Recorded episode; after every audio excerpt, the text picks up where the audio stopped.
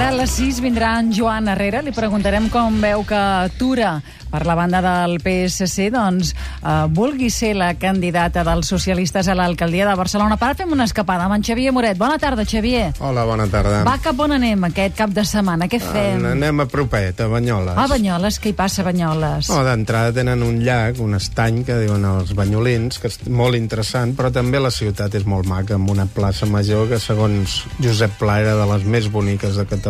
I anar a la barca i remar a l'estany és molt bonic, eh? és una sensació sí. molt maca. Eh? L'estany és un luxe que tenim molt a prop i que sovint no li fem cas. Com que té la Costa Brava a tocar, la gent prefereix el mar, però és un altre tipus de turisme més tranquil, més plàcid. T'hi has banyat a l'estany? M'he banyat, Jo sí. també m'hi havia banyat de menor, Sí, eh? l'aigua és una mica així farinosa i Sí? tal, però val la pena.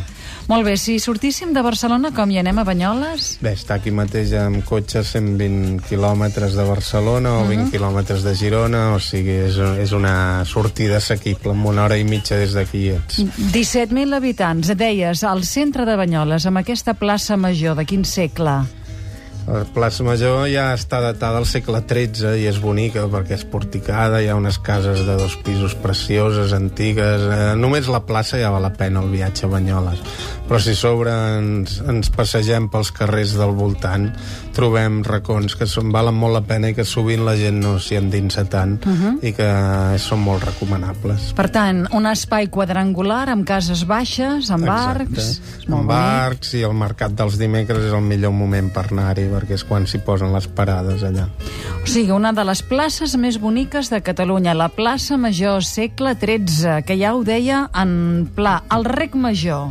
El rec major és força interessant perquè és un dels recs aquests que es fan sortint de l'estany. Clar, el que caracteritza Banyoles és un estany i l'aigua es feia servir a través dels recs per, per banyar, ai, per regar els horts, però ha anat passant pel centre de la ciutat i te'l trobes per tot arreu i ara l'han deixat a, a cel obert i dona gust de veure, anar trobant els recs. Tenim, un, per tant, un conjunt històric protegit des del 1999, eh, com un bé cultural d'interès nacional, amb un llibre que s'hi refereix la plaça Major. Exacte. Hi ha un llibre que, que s'ha dedicat exclusivament a la plaça Banyó, a la plaça Major. També n'hi ha d'altres dedicats a Banyoles que valen molt la pena perquè és un lloc que, que és interessant, sens dubte. Monestir de Sant Esteve. Monestir de Sant Esteve és el que dona origen a la població. D'entrada tenim l'estany, el llac, i després el monestir es crea al segle... es funda al segle XIX, al segle IX, perdó, i a partir d'aquí neix la població al voltant, perquè els monjos són els primers en, en instal·lar-s'hi. Orígens al segle IX d'estil neoclàssic, eh? amb monges benedictins que van construir el temple. Eh? I l'església de Santa Maria dels Torers? Sí, aquesta és gòtica, del segle XIV, és molt bonica també. És que el que té de bo Banyoles que vas passejant i vas trobant l'església, les placetes, el museu arqueològic, on s'hi es posa una rèplica de la mandíbula de Banyoles, uh -huh. uh, jo què sé, el museu d'Arder, on Mhm. Que hi havia el negre de hi havia Banyoles. El famós negre de Banyoles fins l'any 2000, que ara el van reformar i és un centre d'interpretació de l'estany i té diversos animals dissecats donats pel, pel senyor Darder, que va ser director del Zoo de Jo Barcelona. recordo que em va impactar de molt petita, hauria de ser el Museu d'Arder, Sí. de veure un embrió, uh, és el d'Arder, eh? És el Darder, sí. en, en, en un pot, En amb un, un pot, amb un sí. líquid que evidentment el mantenia, embrions Sí, humans, eh? Exacte, i també hi havia una cabra amb dos caps Sí. i era un museu així Una mica estrany, que anaves estrany, veient sí. coses rares i el negre de Banyoles hi va ser durant molts anys i a Banyoles se l'estimaven molt fins Sí. que el van facturar cap a Botswana on està enterrat ara i no li fan cap cas Poblat neolític de la Draga.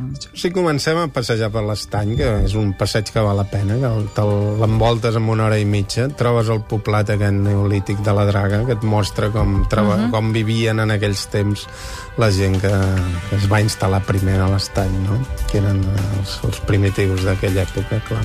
I hem d'anar cap a aquelles 20 pesqueres, aquestes casetes a prop de l'aigua? Sí, les pesqueres jo crec que és el que li dona més personalitat a l'estany, que són unes casetes que havien tingut les famílies benestants de Banyoles, fundades entre el, els finals del 19 i 1931, que és quan s'atura la construcció de, de les pesqueres, uh -huh. però n'hi ha algunes de precioses, com la Morisca, que tothom coneix, que, que té, està feta amb art imitant l'estil morisc i que queda amb el Canigó al fons, que és una meravella. Què ens diu aquí un oient, la Rosa? Sí, la Rosa de Marisa? Barcelona diu, oh, Banyoles, va ser el primer viatge que vam fer amb el meu marit quan érem joves. Té un encant especial, Banyoles, Sí, eh? jo crec que és desaprofitat, perquè és una ciutat que França seria una ciutat balneària, uh -huh. amb molts hotels i un gran turisme interior, i aquí no, ni, no s'hi té massa tendència a anar-hi, potser per el que deia abans de la competència de la Costa Brava. I hem d'anar, eh? Hi hem d'anar. Xavier Moret, que ens ha proposat aquesta escapada, qualsevol moment és bo per anar cap a Banyoles. Tot l'any és bo, sí. Gràcies, Xavier.